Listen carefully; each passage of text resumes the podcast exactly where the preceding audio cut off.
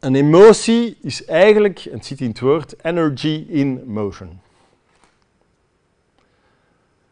En ik weet dat er een heleboel vooroordelen zijn. Een vent gaat zeggen, ja, die vrouwen met hun emoties en die maken beslissingen gebaseerd op emoties. Ja, dat zijn vooroordelen, vooral gemeen. Oeh, pas op man.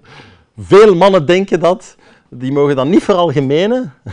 ik denk niet dat dat, dat een goed gedacht is. Uh, ik denk dat iedereen beslissingen maakt gebaseerd op emotie, op intuïtie, op uh, flowcharts, op van alles en nog wat. Maar we gaan nu een keer zien wat dat is. Wat is nu een emotie echt? Wat is dat? Energy in motion is dat. En voor de rest, wat is dat nog? Dat is een verlengd gevoel, een gevoel dat je hebt in je lichaam. En dat is echt. Voor u is een gevoel in je lichaam altijd echt. Oké? Dat is uw perceptie, dat is echt. Als iemand ooit zegt van, ja maar, jij voelt dat niet, of jij kunt... talk to the hand, of because the, the face is not listening anymore. Niemand mag zomaar veronderstellen of denken wat iemand anders voelt. Hè. Dus dat is een verlengd gevoel door vrijkomen van neurotransmitters. Als je dat zo gaat bekijken, puur wetenschappelijk, is dat alleen maar dit. Dus dat wil zeggen, dat gaat ook over.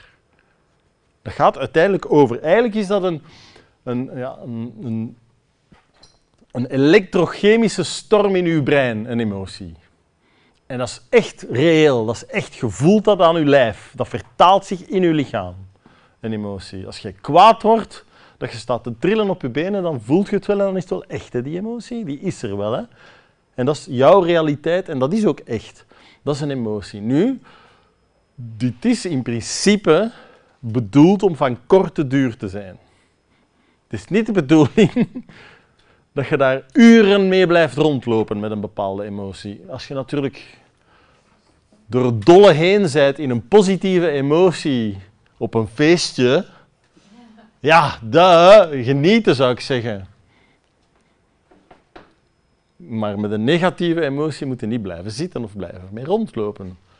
Laat staan, u mee identificeren. Als je het slechtste dat je kunt doen, en dan moet ik nog altijd aan mijn dochter van 21 jaar herhalen en zeggen van opgelet.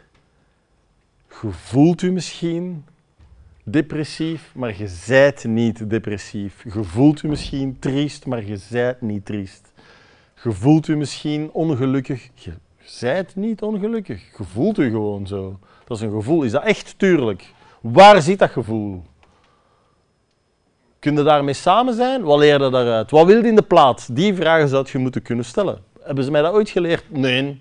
Ja, als je in therapie gaat, misschien als je chance hebt en je komt bij de goede terecht, dat je zo'n processen leert omkeren en dat je andere dingen leert doen. We gaan een keer kijken wat dat dan nog kan bijbrengen natuurlijk. Hè. Want zo komen we tot, een concept van, of tot het concept van emotionele intelligentie. Men zegt van sommige mensen van, goh, dat is iemand met een serieus hoog EQ, een hoog emotioneel quotient. Ja?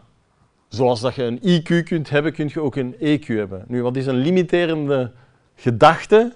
Dat is IQ, dat is vast, daar worden mee geboren. Daar worden mee geboren. Dat is dus bullshit. Je IQ kunt je naar omhoog krijgen door eraan te werken. Je EQ kunt je ook naar omhoog krijgen door eraan te werken.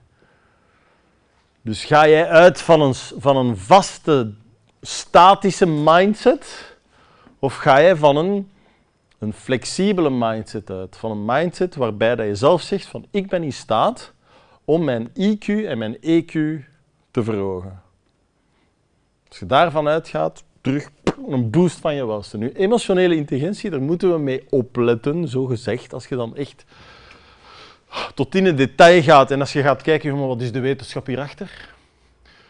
Uh, er zijn mensen die beweren dat emotionele intelligentie eigenlijk een concept is dat bedacht is om bepaalde dingen duidelijk te maken, om bepaalde boeken te kunnen schrijven, om bepaalde cursussen te kunnen geven, om dat te ontwikkelen.